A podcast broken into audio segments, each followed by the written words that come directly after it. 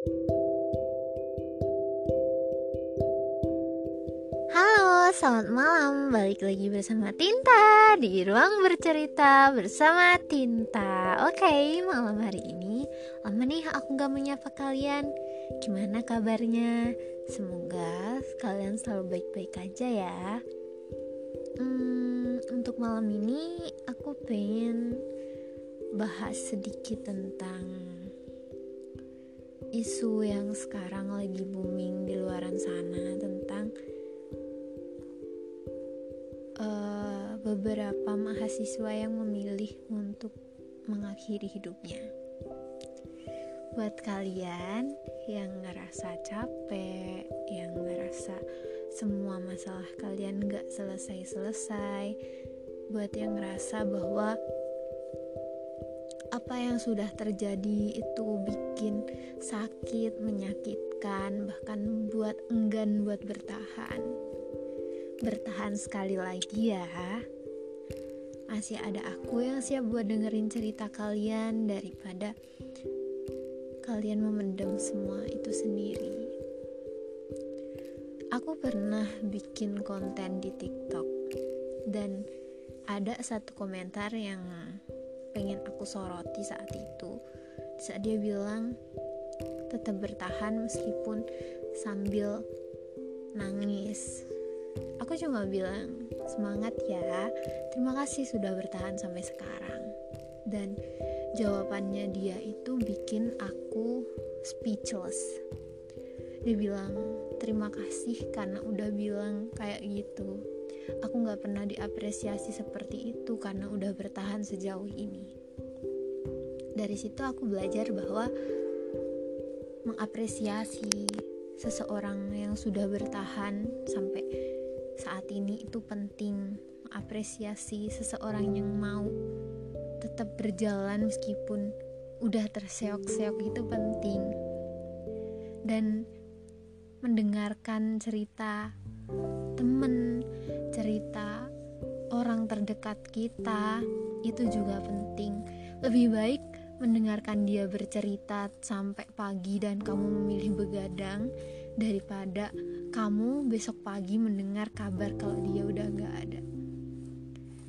Mungkin bagi sebagian orang memiliki trauma memiliki trust issue terhadap berbagai hal itu kayak hal yang biasa dan malah menyepelekan kayak Allah gitu doang lu lemah ya. Gitu gitu doang. Aku udah lebih dari itu aku masih biasa-biasa aja. Kamu nih alay misal gitu. Hey kita nggak tahu apa yang sudah dia alami. Jadi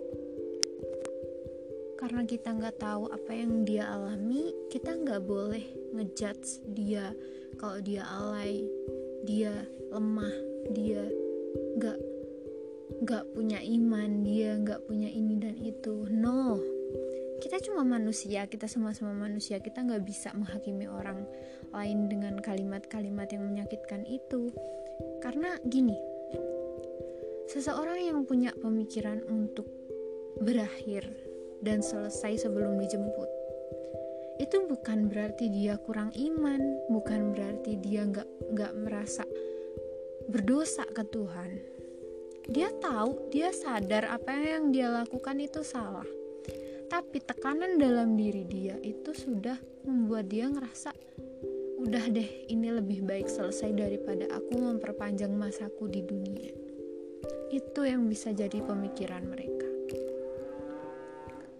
kita nggak bisa ngejudge mereka dengan kalimat lu alay lu. Baru gitu aja udah lemah lu gini gini gini gini gini gini. Kita nggak tahu dia udah berjuang sekeras apa untuk tetap bertahan hidup di dunia ini. Di saat dia udah terpukul sejauh-jauhnya di saat dia udah ngerasa aku udah capek aku udah nggak punya tenaga lagi aku nggak tahu arahnya ini ke mana aku udah mentok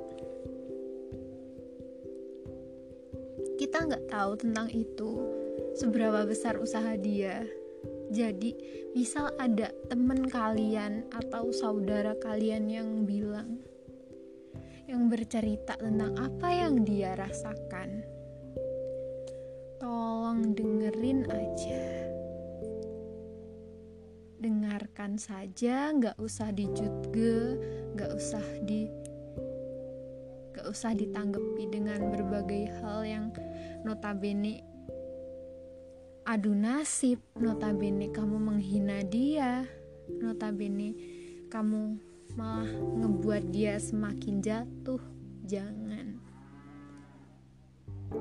Pasti kamu gak pengen dengar kabar kalau dia meninggal karena bunuh diri. Maka dari itu, sekecil apa pun kemungkinan itu, kalau bisa kamu sebagai teman, kamu sebagai saudara itu mencegah.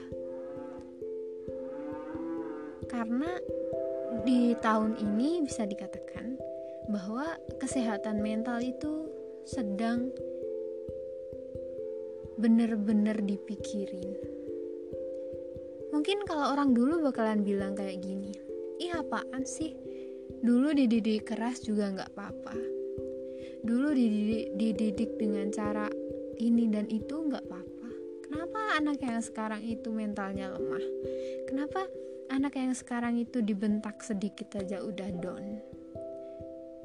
Ya mungkin orang di zaman dahulu itu dididik keras kayak gitu karena mereka masih awam dalam pengetahuan kesehatan mental. Tapi anak yang sekarang media sosial sudah lumayan luas. Koneksi internet juga sudah lumayan luas. Kita jadi bisa tahu dan mudah dalam akses segala hal. Jadi nggak ada salahnya kita mengetahui tentang kesehatan mental itu penting. Itu. Jadi hal yang paling utama adalah bertahan ya. Seberat berat seberat beratnya hidup masih berat jika diakhiri gak ada cara untuk mengakhiri hidup ini yang gak sakit. Kamu minum racun aja kamu pasti masih ngerasain sakit.